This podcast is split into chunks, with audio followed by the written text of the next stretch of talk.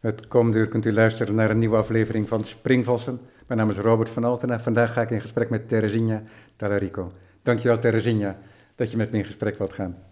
Dank je voor de uitnodiging. We hadden er eigenlijk al bijna tien minuten op zitten in het gesprek toen ik erachter kwam dat ik mijn nieuwe recorder niet goed had ingesteld. Dus ik dacht, ik kan beter in plaats van met heel slecht geluid het gesprek opnieuw beginnen. Dus mijn excuus daarvoor. Ik heb je uitgenodigd bij gelegenheid van je eerste solo-presentatie bij Sleeuwen Galerie Sleeuwen in de Kerkstraat in Amsterdam. Interlees, dus verweving, is de titel eh, van die uh, presentatie. En tegelijkertijd is het ook de gelegenheid, deze tentoonstelling, om een boek dat al sinds 2021 bestaat, te presenteren. Dat presentatiemoment dat was niet echt mogelijk door de omstandigheden die we allemaal kennen. En dat boek dat is al gepresenteerd op het moment dat dit gesprek wordt uitgezonden, maar ik dacht, ik vermeld het toch. En dat boek dat geeft een overzicht over je werk. Hè. Het is echt een kloeke en prachtige catalogus, vormgegeven door Walter Nikkels, die ook je echtgenoot is. En um, zoals we ook van Walter gewend zijn, is het een prachtig boek. En het is tegelijkertijd ook een heel spannend moment voor jou, denk ik, omdat het ja, voor een kunstenaar heb ik door de jaren gemerkt toch altijd echt een, een soort probleem is. Je moet ergens, is het belangrijk om zo'n boek te maken, ook voor jezelf, niet alleen voor het publiek. Hè, om een, soort, een kleiner overzicht te krijgen van je werk. Ja. En ja, dat maken daarvan, was dat moeilijk voor jou? Ja, en ook nee, uh, omdat je probeert natuurlijk zo erg mogelijk je werk te presenteren, hoe die, die stappen zijn geweest, die je hebt gemaakt in een tijd van 30 jaar, waarin dit boek uh, zijn gerepresenteerd. En dat was moeilijk om te kiezen wat, is, wat zijn die sleutelwerken van die uh, verschillende stappen die ik heb gemaakt. Maar aan het eind was het toch um, een mooie compositie geworden. En een eerlijke compositie. En ik bedoel compositie met dat dit boek inhoudelijk uh, dat uh, representeert wat ik, wat ik ben als kunstenaar, waarmee ik bezig ben als kunstenaar, zo te zeggen. En daarom uh, vond ik dat moeilijk, maar wel op de andere kant voor mij een soort van school lopen door mijn eigen werk. En dan denk ik dat uh, voor die mensen die dit boek uh, zien, uh, is misschien iets daarvan overgekomen, hoop ik. Zijn er inzichten die je zo kunt delen over je eigen werk die je hebt verkregen in het maken van dat boek?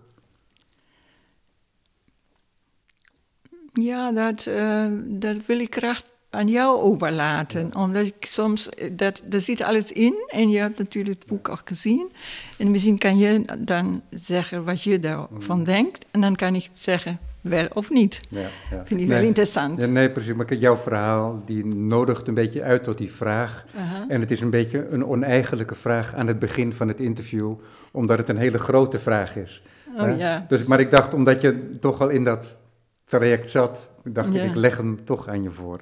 Maar misschien komen we er nog terecht ja, later in het later in het Maar ik kan kort wel zeggen uh, dat je kan heel goed zien, ik ben dan begonnen als minimalist. En uh, habe, uh, als ik dan van land ben gewechselt, van Duitsland naar Holland kwam, dat was natuurlijk een moment dat ik uh, dacht, ja, wat doe ik hier nu? Ik moet als kunstenaar ook, ik ga altijd als kunstenaar met mijn omgeving om. En dan moet ik dat in elke manier toch gaan bedenken, hoe kan ik dat in mijn werk, zonder dat ik uh, een soort van representation van, de, van mijn omgeving uh, doe. Hoe kan ik dat omzetten in een abstraherde vorm? En daar zijn natuurlijk ook uh, zo verschillende methodische, formale ingrepen in mijn eigen werk gekomen die uh, nu langzamerhand terug zijn gekomen voor tien jaar of nog iets langer tot mijn oorsprong als kunstenaar. En dat vond ik belangrijk om dat te kunnen, zo in dit boek in kunnen, te kunnen zetten. En ik, voor mij is natuurlijk alles wat ik heb gemaakt, had heel veel met elkaar te doen. Maar als je daar niet diep kijkt uh, in, in dit werk, kan je dat nog niet zo meteen zien. En dat vind ik dan wel interessant uh, als mensen toch zeggen. Dan kan je zien wat hij had gedacht, hoe hij daarmee is omgegaan, dat hij plotseling in Holland was.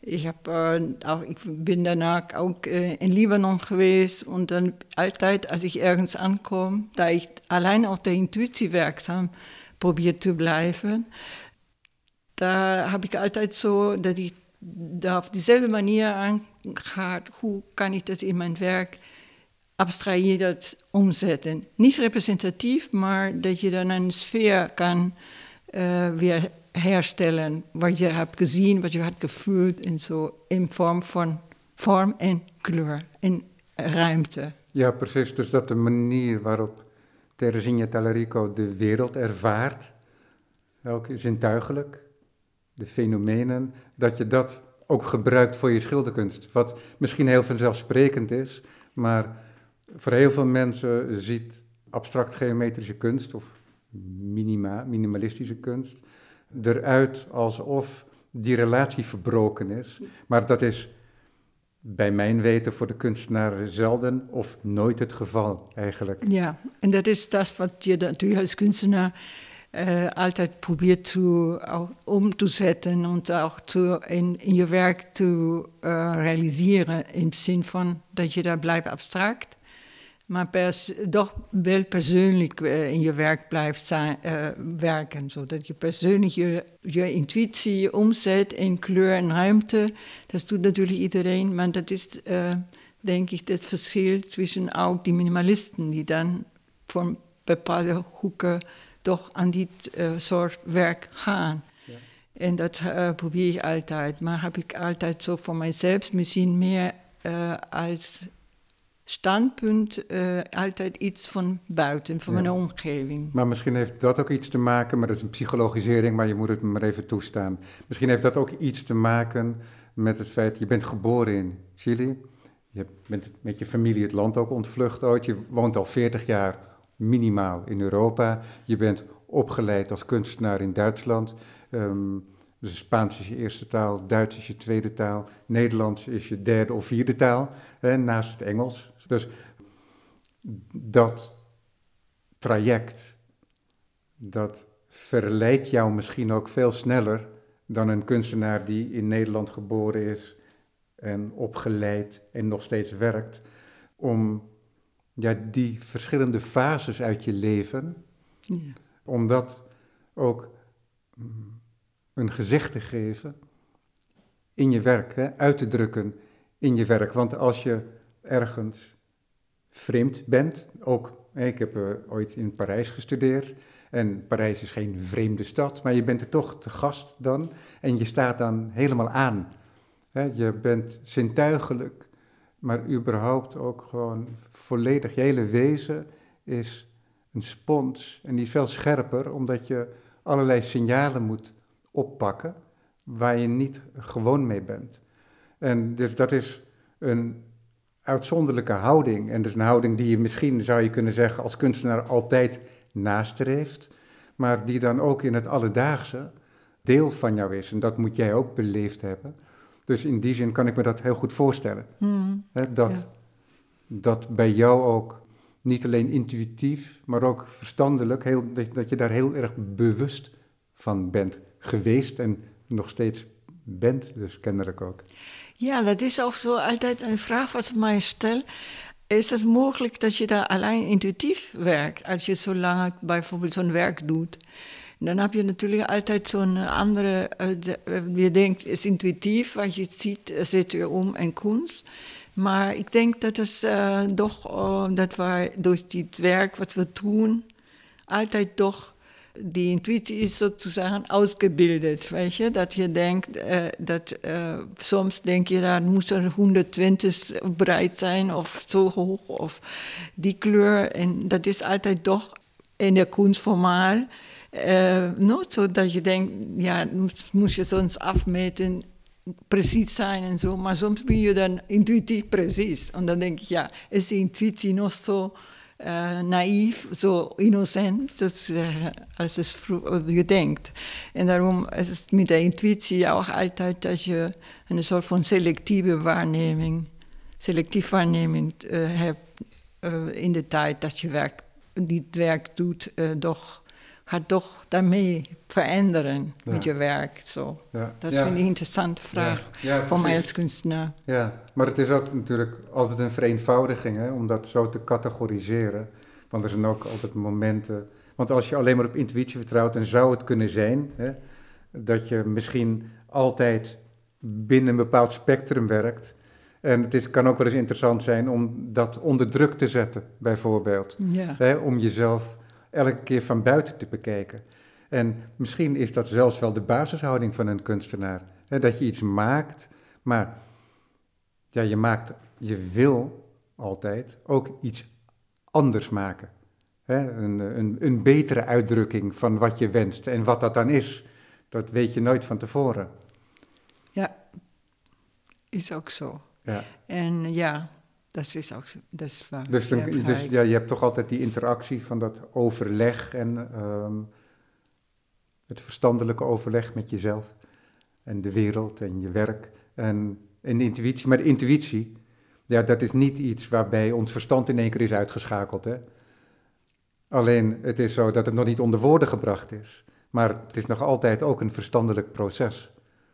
Ja. Dat is altijd belangrijk om te beseffen, denk ik ja, ja. Mhm. Jij werkt in verschillende media, dat is hier ook duidelijk in de tentoonstelling te zien, want je komt binnen en dan hebben we die twee staande werken, uh, die sculptuur zijn en schilderij tegelijkertijd. Ja. ja. en misschien is dat ook wel de titel, hè? interlees. Dus dat je het schilderkunstige vlak hebt, wat ook een ruimte is, op zich, een een ruimte die gerepresenteerd wordt eigenlijk, hè, want het is illusoir, want het is verf. En tegelijkertijd is het ook object en het objectmatige, dat benadruk jij heel vaak op allerlei verschillende manieren. En zelfs tot in je tekening aan toe. En het is ook wel zo dat, er, dat het in je tekening, ehm, als ik een tekening van je zie, dan gaat het een relatie aan met het werk. want er is een tekening, als je binnenkomt, die zie je dan eigenlijk in tweede instantie. Want dan sta je nog op die grote deurmat achter de deur in de galerie. En je ziet het eerste werk al. In het perspectief zie ik al een grote installatie. En een groot schilderij dat ook gebruikt is als teken hè, voor de kaart, voor de uitnodiging van, van uh, je tentoonstelling. En dan zien we een tekening. En dat is een tekening met grafiet, liggend papier. Met een hele fijne lijn is er een kader aangegeven. Maar ter linkerzijde is er op dat liggende rechthoek is er een staand rechthoek. Getekend met grafiet, met hele dichte lijnen, heel secuur onder elkaar gezet, horizontaal. En op zo'n manier dat dat grafiet zich materieel toont, waardoor het heel erg objectmatig wordt. En dat wordt het des te meer omdat ik daar andere werk al heb gezien. En dan heb ik al een ander begrip van die tekening. En dan zit ik eigenlijk, denk ik, ook meteen al in het universum van Teresinha Talarico, denk ik. Ja, dat heb je heel mooi gezegd.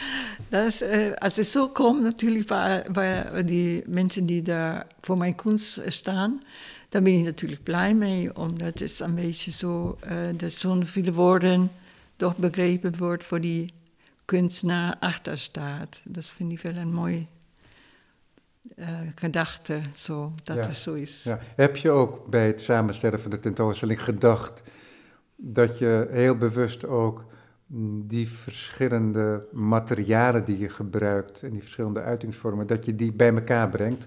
Want hè, je hebt zo'n tekening, er zijn um, pigmenttekeningen, dus werk op papier, er zijn uh, paneren op hout en dat zijn shaped panels, hè, om het zo maar te zeggen, in een samentrekking. En, ehm, en er zijn schilderijen, maar ook een, een andere sculpturale installatie. Dat zijn twee werken naast elkaar die uiteindelijk één installatie vormen. Want ik denk dat het twee aparte werken zijn. maar heb je dat bewust gekozen, die, al die verschillende elementen? Of is dat zo vanzelfsprekend voor jou dat je daar niet eens op die manier aan gedacht hebt? Ja, dat is vanzelfsprekend. Dat is ook die manier hoe, hoe ik werk.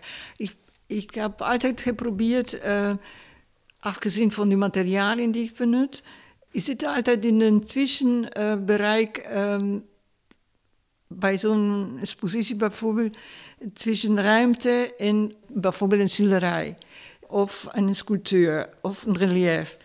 Voor mij zijn dat altijd, altijd zo die gedachten dat ik graag die ruimte wil daarbij betrekken. Maar niet in zin alleen van de ruimte, zo meer dat die muur wordt een deel van werk. Dat je, um, ja, dat die, die, die, de, een gewone schilderij zit altijd in zo'n kader van zo'n zo'n lijsten. En die manier hoe ik dan zo'n schilderij maak, is dat je zo een soort van erweiterung, zegt ze in Duits, van, van de schilderij tot die muur. En dat gebeurt natuurlijk bij een relief door die schaduw die een relief bijvoorbeeld in een mouw uh, geeft. Dan heb je ook weer een schilderij en een tekening aan de muur. En mijn klein tekening wat je uh, hebt uh, nu genoemd, is ook zoiets. Dat je twee dingen bij elkaar brengt, een lijn en een lijn als kader en veel lijns als, in elkaar.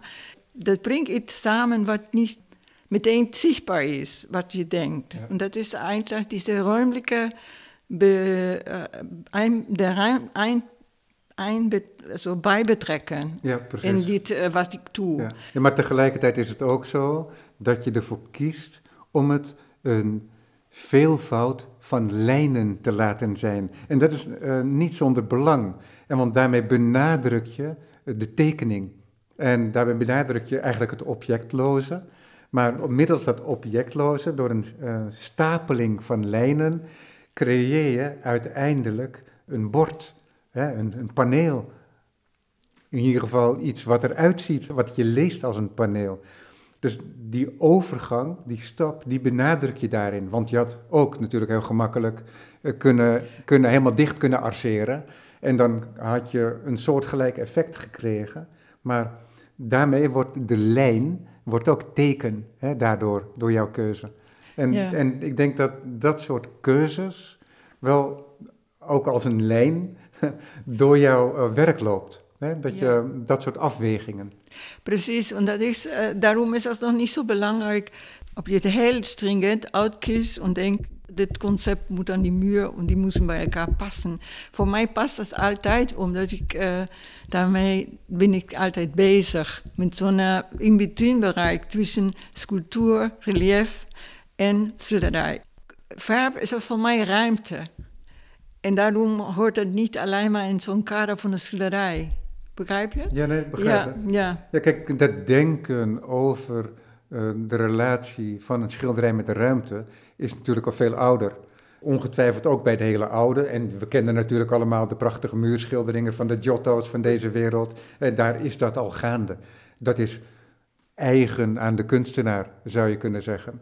Alleen het is zo dat dat, laten we zeggen, met iemand bijvoorbeeld als Mondriaan, dat dat daar al het geval is, hè, dat hij die eenvoudige lijstjes die hij zelf timmert, dat hij iets terug laat vallen ten opzichte van het doek, hè, van het kader van zijn doek. Dat betekent eigenlijk al dat hij een trapje maakt richting de muur.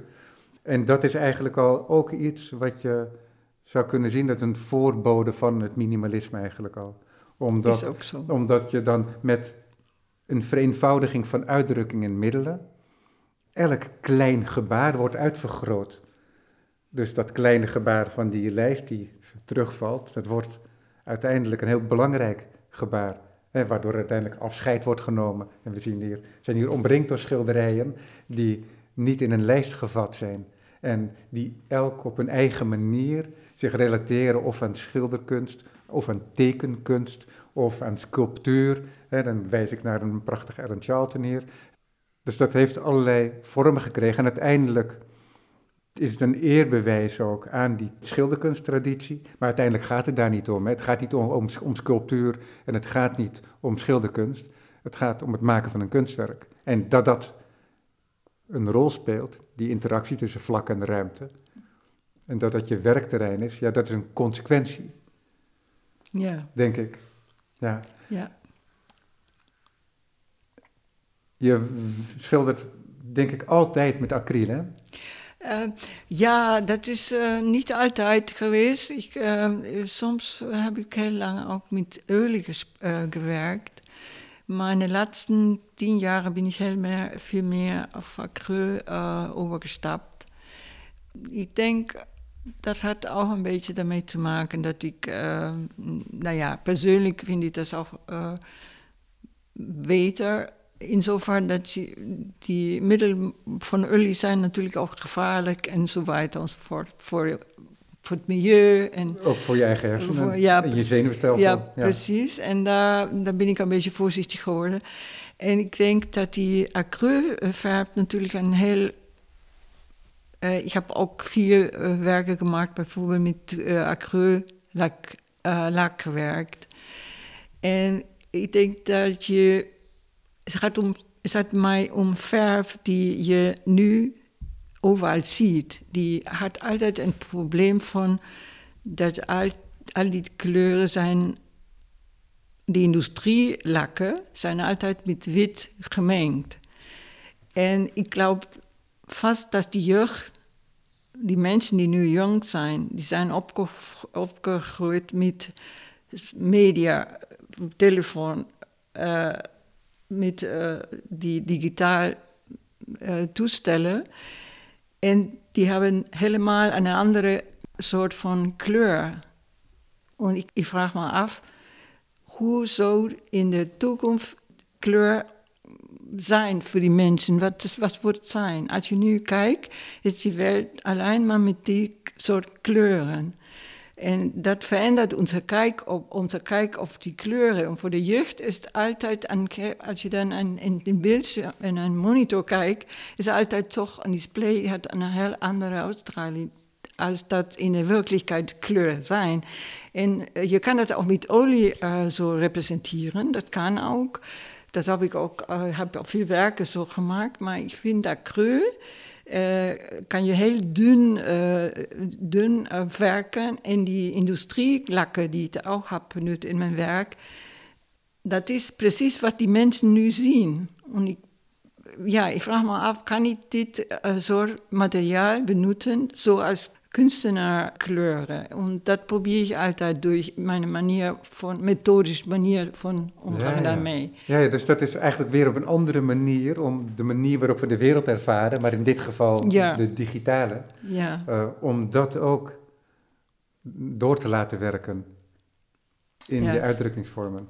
Heb je dan heel specifiek over de werken die in de tweede passage in de galerie te zien zijn, die panelen ook? Ja, die panelen zijn uh, allemaal in acryl geschilderd, maar dat is uh, wel kunstenaarverf. Bij de klein, kleine werken, en die twee grote, daar is lak. En je kan in principe kan je de verschil niet zo zien, maar het is wel een verschil als je daar precies kijkt. De ene is lak, dat zijn twee die grote werken is lak. En die uh, kleintjes nou, in de kabinet zijn ook lak. Industrielak, ja, acryllak.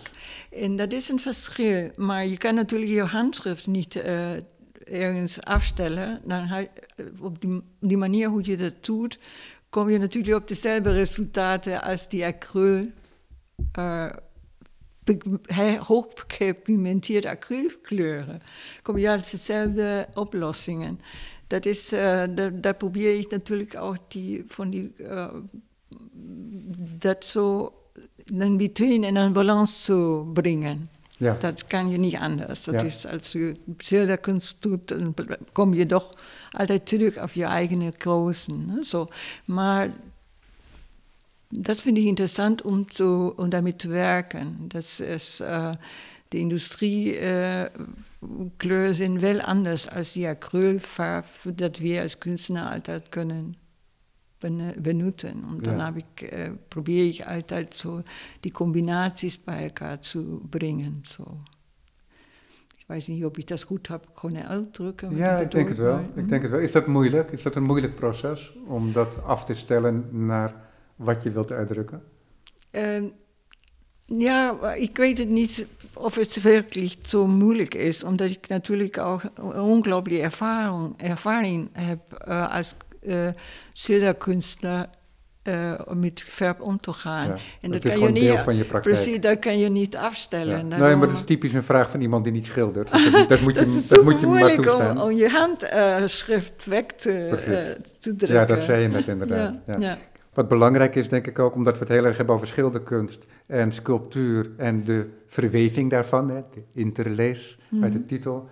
Wat ook een spel is misschien ook, hè, want als ik interlees, de eerste keer las ik het scheef, toen dacht ik, las ik interface. Ja, dat doet al iedereen, maar dat is natuurlijk Nee, iets maar wat dat is, eh, anders. ja. Ja, dat is eh, kennelijk eh, zien we dat vaak. Maar wat belangrijk is om op te merken, is dat jij ook in die zin schildert en schilder bent, is dat er ook, dat je ook figuur op grond zet. Niet altijd. Je maakt een eh, soort st- structuren, bouw je op in je ontwerpen. In de werken dan heb ik het over de werken dan die zich echt binnen een kader bevinden. En, ehm, en soms wordt het zo opgebouwd dat dat helemaal ruimtevullend is en dat het niet duidelijk is of er een figuur een achtergrond is. Soms is dat er eigenlijk niet, omdat het helemaal zo opgedeeld is in orthogonale segmenten. Dat lijkt alsof dat rekenkundig is gebeurd. Soms. Klopt dat ook? Zet je dat ook zo uit? Eh, dat heb ik nu niet begrepen, Nou, die laatste. of je- als je dan zo'n vlak verdeelt, zoals Mhm. in, de pas, in de tweede passage, mhm. in die werken, en werk je dan binnen een raster? Nee, nee, nee. Eh, dat is wat ik voor, daarvoor zei, dat je denkt, je hebt een intuïtie, maar soms bijvoorbeeld, ja, eh, ik teken iets en dan als ik dat gaat meten om te denken hoe groot moet het formaat zijn of zo, dan merk ik dat dat altijd in zo'n soort van ehm, manier op, van kijk op, Ja. op dingen die ik heb eh, gemaakt. En dan heb ik altijd het gevoel dat dat toch bijna millimeterrijk wordt met die... Ja, eh, precies. Dus, dus, dat is, dus dat is niet op die manier uitgemeten. Ja. Maar wat, wel, wat er wel aan de hand is, is dat je eenzelfde ontwerp van vlakverdeling voortdurend op een andere manier interpreteert in die serie werken. Een serie werken die nog voortduurt, hè, waar je nog altijd aan werkt op houten panelen. Waardoor je ziet hoeveel er mogelijk is met een enkel ontwerp. Eenvoudig door kleurvariatie. En dat levert zoveel variatie op. Ik kan me voorstellen dat dat een heel groot plezier is als je eenmaal zo'n opzet hebt om de potentie daarvan tot uitdrukking te brengen. Dat is ook zo. Dat is ook zo. Ja, Dat, ja. eh, de- ja, dat, ik vind het spannend, omdat eh, je verliest je angst, maar je bent natuurlijk ook nieuwsgierig. Wat wordt eh, daarvan? Dat is altijd zo'n balansspel, dat je denkt, hoe, hoe ver kan ik daarmee gaan? En ik, wat ik wel graag wil bereiken, is altijd zo'n soort van simpe, simpliciteit, elementariteit, zo te zeggen, in mijn werk. Eenvoud. Uh, eenvoud, ja, precies. Eh, dat, is, eh, en dat, dat probeer ik, dat is gelinkt. Dat met weinig eh, heel veel door overkomt. En ik weet eh, tot nu toe niet zo precies wat het... Is het door kleur? Is het door vorm? Het is samenstelling van eh, verschillende eh, vormen bij elkaar. Dat weet ik nog niet, dat heb ik nog niet uitgevonden. En dat vind ik spannend om, om zulke dingen uit te proberen. Ja, die maar, maar, dat, maar dat verschuift ook binnen je werk. Hè? Want ik noem dit nu als voorbeeld, omdat ik eigenlijk... Oep, pardon. Tik tegen de microfoon. Omdat ik eigenlijk iets anders begon te zeggen. Want deze werken, die hebben dat ontwerp. En dat ontwerp, dat laat niet een figuur en grond zien. Maar bijvoorbeeld in het schilderij, wat op de uitnodiging staat, dat is een, een liggend doek, vrij groot doek. Niet het grootste wat er hier te zien is, maar het is een, mooie, een, mooie, een mooi formaat. Ik kan het er wel bij halen. Dan kunnen we precies zijn. ik denk het is 85 hoog tot 125 Voilà, of zo. ik heb, oh ja, precies. Ja. Ik Mhm. zie hem nu inderdaad in Ja. de ondertitel. Mhm. Prachtig, dankjewel. Dan hebben de mensen daar een idee van. En er is een lichte grond met een samengestelde liggende figuur, twee balken, net boven het midden een wat donkerdere balk, die ook iets breder is en daaronder een iets terugvallende balk, links en rechts terugvallend. En die vormen samen een soort figuur op grond. Dus dat is anders dan het werk op die panelen, zou je denken. Maar tegelijkertijd is het ook zo dat we ook weer andere werken zien in de tweede zaal. Ook vrij recente werken volgens mij, en dan doel ik op die gevormde panelen. En die zijn een consequentie. Want dan zie ik opeens ook hoe jij werkt. En dan snap ik ook die opmerking, die benadrukking van wat je de hele tijd zegt. Van, ja, maar het is ook intuïtief. Weet je, ik ben geen programma aan het uitschrijven. En dat is dat je daarin ook die figuur tot vorm laat worden. Dus je maakt, een, je maakt een sprong. Dus daar waar, ik, waar je zou kunnen denken dat er geen interactie is met de omliggende wereld, het schilderij als sculptuur, daar laat je zien, ja kijk, hier is het ook gaande. En dan heb je opeens drie panelen met één kleur elk. En die hebben dan een soort, die zijn als, als het ware uitgesneden, als een uitgesneden motief uit zo'n schilderij. En dus je speelt ook een spel ook met de, met de buitenruimte en de binnenruimte. En ja, dus daar ben je sculpturaal aan het werk als schilder, in die zin. Ja, Ja. zo is het. Ja, is dat voor het eerst dat je dat hebt gedaan? Dat je zo'n motief eruit haalt en tot object maakt? Nee, heb, eh, zo ben ik begonnen in principe. Dat eh, is altijd zo een, zo'n soort motto in mijn, in mijn werk. Ehm, ik denk dat het nu heel zichtbaar wordt. Dat was eh, subtieler misschien van daarvoor.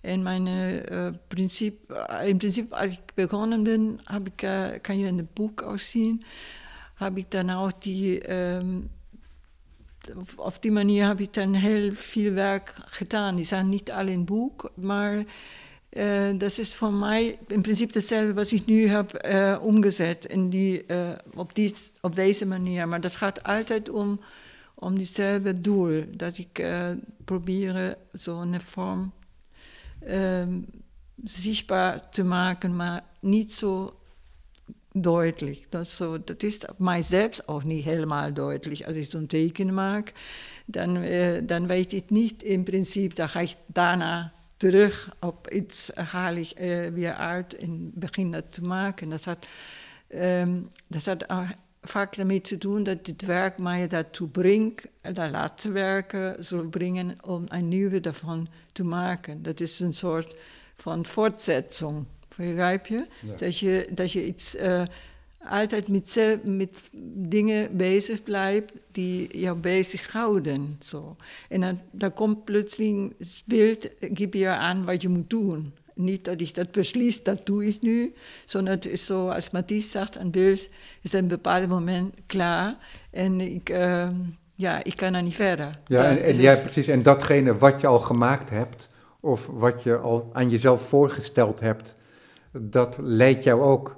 Hè? Dus ook al kun je een heel ontwerp in gedachten hebben, ja. het werk leidt jou ook een bepaalde kant op. Precies. Die, interactie, die interactie met dat werk. Dat is wat je, wat je wil zeggen. Ja, Ja, precies, precies. Dat, is het. dat is het. Dan kan je sommige werken, dan eh, heb je een plan voor, voor gedacht, zo doe ik dat. En dan merk je dat in een bepaald moment is het over, is klaar. En dan moet je dan een andere maken, maar die is klaar. Dit werk is vollend. Ja. Weet je? En dan, moet je, dan maak je de nächste. Ja. En dat is eh, spannend natuurlijk, omdat je daar ook altijd zo'n rode, rode vaden, weet je, zo'n rode lijn in je werk hebt. Ja, ja maar, dit, is- maar dit is toch interessant, want die werkwijze, hè, ik probeer dan bij, in het, bij het maken daar iets bij voor te stellen. Maak je überhaupt een ontwerp? Een tekening bijvoorbeeld? Dat is, dat is moeilijk, omdat ik, teken heel, heel veel. En mijn, de sleutel van mijn werk is mijn, zijn mijn tekeningen. Ik heb honderden tekeningen in mijn atelier. En uh, daar, daar, kijk ik nooit naar. Want ik ben ook helemaal niet zo voorzichtig met. Die, die zijn een beetje vies, zo een atelierwerk. Zo.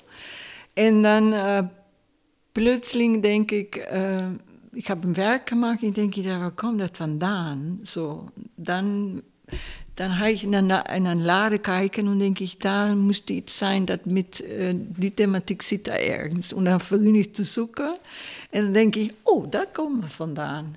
En zo heb ik altijd zo'n soort sleutel, zo, uh, door die tekening die ik heb, die ik doe, heb ik een toegang tot mijn eigen onderbewustzijn. En daar werk ik van mee. Dat ja. ik denk, dingen heb ik dan in mijn vestplaten in mijn hoofd, zo te zeggen. Ja, precies. De, teken is een hele directe uitdrukking precies. van wat er in je hoofd speelt. Ja. En waar ik het zou hebben over het onder woorden brengen van wat je intuïtief uh, ja.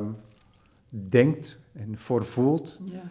Daarvan zeg jij, nee, ik breng het niet onder woorden, voer het uit in lijn. Ja. In die zin is het ook een denken met het potlood. Ja, zo, zo kan je dat heel goed uitdrukken. Ja. Ik heb uh, ook heel lang niet uh, over mijn werk willen spreken, omdat ik altijd denk, uh, dat is een. mijn wens was altijd dat ik wil dat de betrachter zoals jij dat ook nu ook uitdrukt, dat die toegang is tussen mijn werk en die mensen die dat zien. Ja. Maar natuurlijk is bij abstracte kunst heel moeilijk dat die, uh, ja, je bent natuurlijk kunsthistoricus. Uh, en nee, is dat ben ik niet. Ja, dat, dat, okay. dat, dat, werd laatst ook al gezegd, oh, maar dat ben ik niet. No. Nee. nee. ik studeerde uh, geschiedenis en filosofie. Ah, ik dacht de filosofie, dat kunt zijn, ja, oké. Okay. Uh, maar ik, was, ik, ik ben ervan uitgegaan dat je ook kunsthistoricus bent, omdat ik een boek van jullie twee met, ja, met uh, Stefan Aders uh, heb gelezen. Ja. En dan dacht ik, ja, daar zit er nog heel veel kennis al van kunstgeschiedenis in. Nou, daarom ben ik ervan uitgegaan dat je daar ook... Ja. Nee, het is ook niet gek, want heel, ja. heel vaak is dat ook zo natuurlijk. Ja, maar ja, dus doe dat geweldig, vind ik, ja. Dan hoef je niet zoveel zelf te vertellen. nou ja, maar ik wilde zeggen dat ik... Uh, daar, ik heb altijd gedacht, ik wil niet zoveel spreken, omdat ik van die studie die ik heb van daarvoor gemaakt, ben ik van de, deze theoretiseren, zegt ze in Duits, over, ja. over alles in de wereld en zo, dat denken over alles dat zit natuurlijk in je werk, maar dat, je moet niet een boek schrijven naast je werk. Je ja, maar misschien zijn Duitsers eerder geneigd om te theoretiseren dan Nederlanders. Ja, precies. Dat was natuurlijk ook die studies, heb ik in de Kölner Universiteit gedaan. Daar ben je uh, ongelooflijk bezig met uh, ongelooflijke uh, moeilijke theorieën en zo. En ik, ik dacht in de academie-tijd is het wel zo geweest dat ik merkte dat ik heel, heel snel toch binnen mijn eigen taal ben gekomen als kunstenaar, omdat ik deze background had gehad. Maar ik heb altijd zo als maxime gehad, niet zoveel spreken, maar je denken als kunst. En dan kom je toch mensen tegen, als nu bijvoorbeeld, die dat goed kunnen begrijpen, die een toegang daartoe kunnen opbouwen. Ja. Voor de rest kan je niet abstracte kunst maken. Dat is nee, maar je kunt, je kunt inderdaad ook heel veel natuurlijk oppakken uit het werk zelf. Ja. En kijk, het wordt mij natuurlijk wel gemakkelijk gemaakt met een tentoonstelling als hier bij uh, Galerie Sleeuwen, omdat je mij toegang geeft tot je werk doordat er verschillende uitingsvormen zijn die tekening tegenover die twee sculpturale schilderijen hè, op de rechterwand bij de mhm. opening. Ja, die relatie, die sprak al zo uh, veel. Ja. Dus dat maakt het voor mij natuurlijk gemakkelijker om de rest van je werk te zien, maar ook daarom, om daar gevoel voor te krijgen met wat jouw werkterrein is en wat je wil uitdrukken. Ja. Dus in, in, in die zin zou je kunnen zeggen dat je werk vanzelf spreekt. Maar kijk, als mensen alleen maar één werk van je zien, ja, dan moet dat werk natuurlijk ook daar zijn.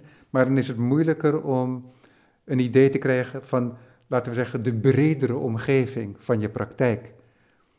En ja, die geven heel veel signalen af natuurlijk. Die werken uit die bredere omgeving, ook over dat ene specifieke werk. Ja, dat is ook zo. En dat vind ik ook spannend, omdat zo, uh, dat het zo uh, kan zijn, natuurlijk. Ja, want dat is het voor jou ook natuurlijk, ja. want jij werkt ook in die brede omgeving.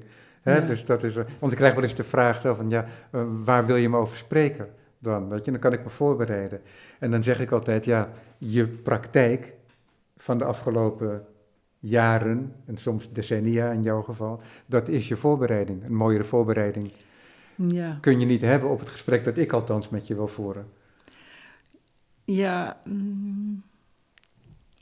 Want het gaat niet om theorieën. Ja, het, gaat, nou, het, gaat, het gaat mij om het maken. Ja, dat is ook zo. En dat vind ik ook aangenaam om daar, zo daarover kunnen, te kunnen spreken. Daar ben ik blij mee dat ja. het zo uh, mogelijk is. Omdat ik, uh, ja, dat is ook die, die problematiek wat je had aangesproken, dat die abstracte kunst natuurlijk uh, niet altijd äh, allein von sich, also ein Werk kann nicht, nicht altijd allein von sich, von sich spreken. Maar ik vind het wel interessant dat soms zo'n klein tekening uh, kan ook heel veel zeggen, ook als alles andere niet bij is, kan je dan met een klein tekenen ook zo'n hele verhaal uh, obgleich das äh, abstrakt ist, kann je een hele verhaal overbrengen. Ja, en ja. dat is uh, niet al, het, lukt, het lukt niet altijd, maar dat probeer je natuurlijk als kunstenaar daar. Uh, nou ja, dat probeert je niet om die anderen te bereiken, maar je probeert dat zo, wat je doet, doet je dan voor de achtergrond dat wat je denkt. En in sommige werken komt dat heel goed over en dan kunnen die anderen dat ook zien. Maar soms kan je natuurlijk ook uh, dat, niet, dat het niet klopt. Dat is een beetje die, uh, natuurlijk het risico wat je als kunstenaar hebt. En je, elke kunstwerk wat je doet, elke kleine tekening. Uh, ja, dat is, dat je probeert daar je hele wereld in te zetten. Maar het lukt natuurlijk ja. niet altijd. Ja, je probeert op maximale manier in elk nieuw werk uitdrukking te geven van je kunstenaarschap. Hè, van wat je wil. En dat moet altijd iets anders zijn. Ja. Maar het moet tegelijkertijd ook ergens hetzelfde zijn. Want het mag zich niet losmaken van de rest van het werk. Want dan zou je iets heel vreemds krijgen. Ja, dat is ook zo. Maar ik geloof dat is, dat is ook interessant in mijn boek te zien. Dat je denkt, uh, sommige mensen die niet zo zich in uh, kunnen lezen of zo, denken dat is heel wat anders. Maar een beetje dan verstand van hebben, zien wel die samenhang uh, tussen die werken. Uh, ik geloof niet dat je, als je heel ernstig uh, bent uh, daarbij kunst te maken, dat je daar ook heel eerlijk moet zijn. En als je eerlijk bent, komt natuurlijk alles wat je denkt in zo'n, in zo'n werk. En dan ga je heel veel risiken dat dat wat je denkt misschien fout is. Hier naast ons een werk van Gunther Tucina. Ja. Klein vierkant ja. werk. Maar Gunther Tucina is ook tekenkunst en schilderkunst Is dat meer? Dat is niet het sculpturale, maar bij hem is het die relatie tussen tekenkunst en schilderkunst. En hij zei ook tegen mij in een interview dat ik voor de galerie deed: transparenz en ehrlichkeit. Mm. En hij noemde nog wat zaken. Durchlassigkeit. Ja. Dus dat je een soort transparantie, een doorzicht. En dat, dat je alles moet kunnen zien. En als ik zo vrij mag zijn, dat geldt ook voor jouw werk. Bijvoorbeeld die dat schilderij dat op de uitnodiging staat, daar zie je ook nog tekenlijnen op staan, bijvoorbeeld. En, en ik denk, anders dan wat nu kan lijken uit wat er de afgelopen minuut is gezegd, is dat uit een enkel werk, ja, je werk al spreekt, uit die enkele tekening al bij de entree. Als ik dat alleen zou zien, zou ik al weten wat jouw problematiek is. Ook in schilderkunst en in, in het sculpturale. En in, dus in die zin, ja, ja, weet je dat dus kennelijk scherp uit te drukken. Ja. Maar klopt dat ook, dat die termen, hè, die, die Gunther Tucina ja, dan dat bezig dat Ja, ik vind het interessant dat je daar, daar naartoe komt. Dat vind ik, uh, ja, dat is ook zo. Nee, dat is, uh...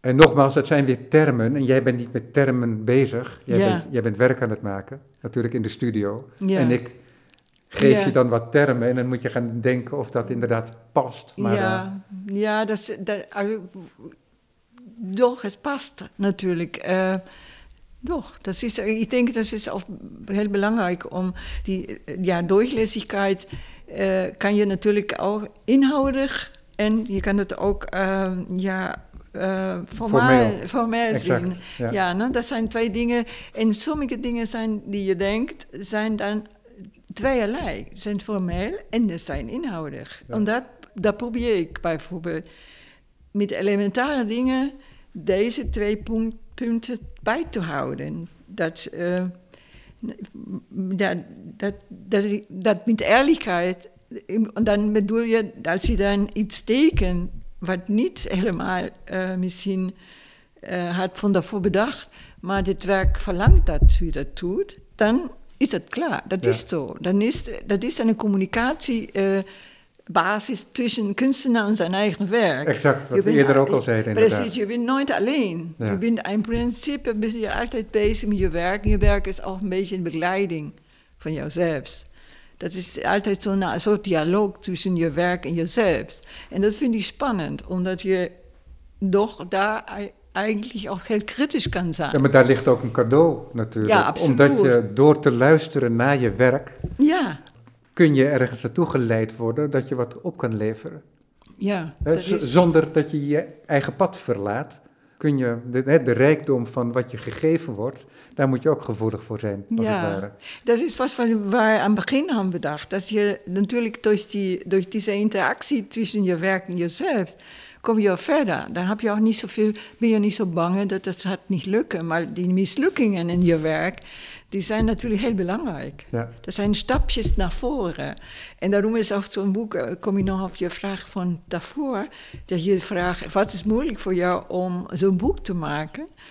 En dat was een discussie tussen uh, mijn man als, uh, uh, en mij. Dat hij zei altijd, je moet, dat moet je misschien nog maar overdenken.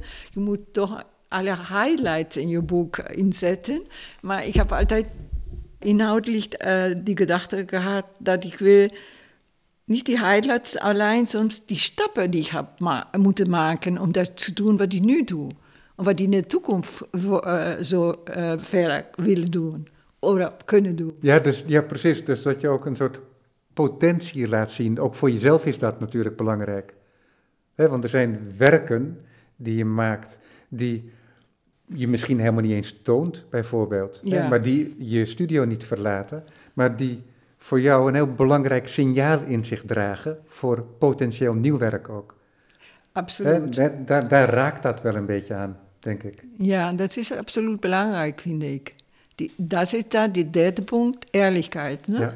En eerlijkheid is ook dat je dat allemaal laat zien, maar die... Uh, een expositie had, dat is interessant, omdat je, als kunstenaar kan je dan, als je exposeert, heb je altijd relaties met andere mensen die van jouw werk houden, die het werk goed vinden, respecteren of, of, of, of.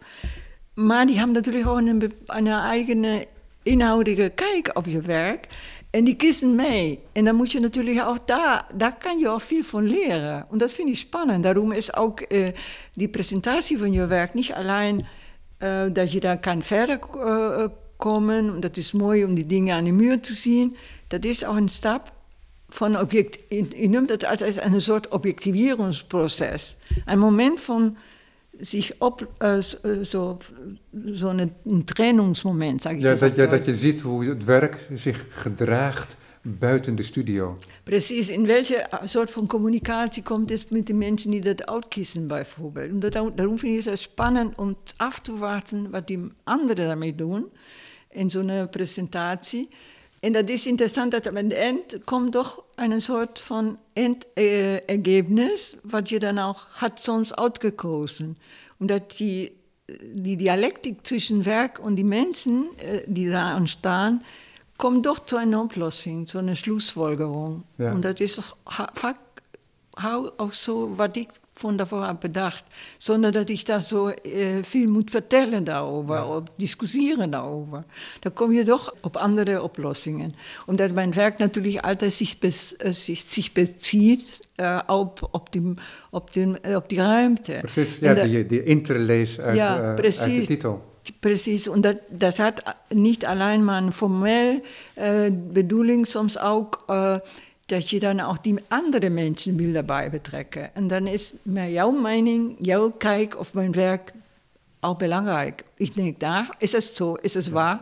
Maar dat brengt me natuurlijk ook äh, andere gedachten misschien die ik nog niet heb gemaakt, uh, gehad. Maar dat, soms is er toch wel een art überlapping, zegt in Duits. Een, uh, een overlapping. overlapping, exact, ja, exact precies. in het Nederlands. Ja, soms is dat zo, heel vaak niet. en dan sla je een gekke flater in het Duits. Ja. Maar uh, heel vaak werkt het wel zo inderdaad. Ja. En, en, dat geldt natuurlijk niet alleen voor de kunstenaar. En het, het, is wel belangrijk dat je dat benadrukt, dat intuïtieve en het maken en het vanuit het maken denken. Omdat dat geldt ook voor mij als kijker naar je werk. Dat ik zelf ook niet tussen mij en het werk allerlei concepten moet gaan stellen en gaan denken. Waar ik die werken in kan klemmen, als het ware. Ik moet zelf ook openstaan voor die werken en de potentie van die werken. Uh, net als dat ik over die tekening, wat ik gezegd heb over die tekening in dit uur, dat had ik niet bedacht toen ik het ging kijken. Bijvoorbeeld. Mm -hmm. Dus ik ging, was niet met een optelsom bezig, als zo van, oh, hier is Teresina Talarico mee bezig. Nee, maar mm -hmm. dat. En ik breng dat ook expres nooit onder woorden voor mezelf, omdat ik weet dat ik op het moment dat ik het onder woorden breng, dan zie ik een werk op een bepaalde manier en dan is het moeilijk om daarvan af te komen. En dus dat kan tussen jou en de ervaring van een werk komen te staan, mm -hmm. als het ware. Ja. En dan hebben we het nog niet eens, en we zijn al bijna aan het einde van het gesprek gehad, over die twee werken. Ik noemde al eventjes die grote dubbelinstallatie. En dat zijn um, één op een lange wand gestapeld, links langwerpige zwarte vormen. Panelen zijn dat, hè? Nee, dat zijn oh, is panelen. doek. Nee, dat zijn doeken. Doek. Dat is doek, doek. ja, doek. Inderdaad. Mhm. Maar ze doen zich objectmatig voor, waardoor ik... Maar op doek, en hoeveel zijn dat er gestapeld? Dat zijn zeven. Dat zijn er zeven. En dan de tussenruimte is net zo groot, denk ik, als, Exact. als de panelen zelf zijn. Uh, De tussenruimtes, die voelen groter aan. Dat komt misschien door de slagschaduw van de doeken. Ja. Dat komt misschien door de witheid van de muur. Daar zie je al dat de panelen als het ware worden gedragen door de muur, terwijl ze eigenlijk daar bijna op zweven. Dus er gebeurt iets heel vreemds. En dan zie je ook dat het met het concrete werk, hè, met de specific object, dat daar ook iets, hè, Judd kan zeggen wat hij wil, maar dat je daar ook iets illusoires hebt. Dat is heel Mhm. interessant. Ja, Hè, omdat dat dat, dat, dat speelt zich niet alleen af in het schilderkunstige vlak, maar ook in het object zelf. En zeven zwarte liggende panelen boven elkaar met een tussenruimte gelijk. En daarnaast zeven, rechts daarnaast, exact dezelfde installatie in kleur. Dat loopt van donkerblauw naar lichtblauw, geloof ik. Hè? Van bovenblauw, geloof Licht- ik. Ja, donkerblauw, precies. Ja, Donkerblauw, donkerblauw, eh, beneden, beneden. en lichtblauw. En dan ja, zit er eh, precies, groen, ja. rood, Hm? geel. eh, Ja. ja. mhm. En die werken, die relateren zich heel erg, en dat is echt bijna tot besluit dan, maar, dus we kunnen er niet echt over spreken, aan twee grote schilderijen in de tentoonstelling. Mhm. Dat zijn grote staande schilderijen, maar zo groot als een vorstelijke poort. Dat is 2,50 meter hoog, iets Ja, dergelijks. toch. Kan- Ja, zoiets. Ja, zoiets. En, ehm, en daarop liggen de blokken, niet met een gelijke tussenruimte, maar eh, de een op een lichte achtergrond en de ander op een donkere achtergrond. Die relateren zich aan de panelen, aan de tekeningen. Dus er gaan allerlei relaties, maar door het formaat ga ik ze toch in gedachten ook relateren aan die sculpturen. Hè, die, eh, zo noem ik ze dan nu maar eventjes. En, en dan zie je dat daar, dan zie je de ruimte waarbinnen Teresina Talarico opereert. Want je hebt de ruimtelijkheid van het schilderij en je hebt de ruimtelijkheid van het sculptuur. Maar in de ruimtelijkheid van het sculptuur zit iets illusoires en er zit iets objectmatigs in die schilderijen. Maar goed, het wordt te lang en dan moet ik het eraf knippen en dat wil ik niet. Dus, maar ik dacht, ik vermeld het toch even, omdat er toch ook prachtige werken zijn in deze tentoonstelling. Dank u. Dank Ja. u. Ja, dank. Bedankt. Teresinha Talarico, interlees bij Galerie Sleeuwen, te zien tot en met 8 juli van deze zomer. Hartelijk dank, Teresinha. Ik dank je. Ik dank je. Dat is heel leuk om dit gesprek met jou te kunnen voeren. Dank voor het luisteren.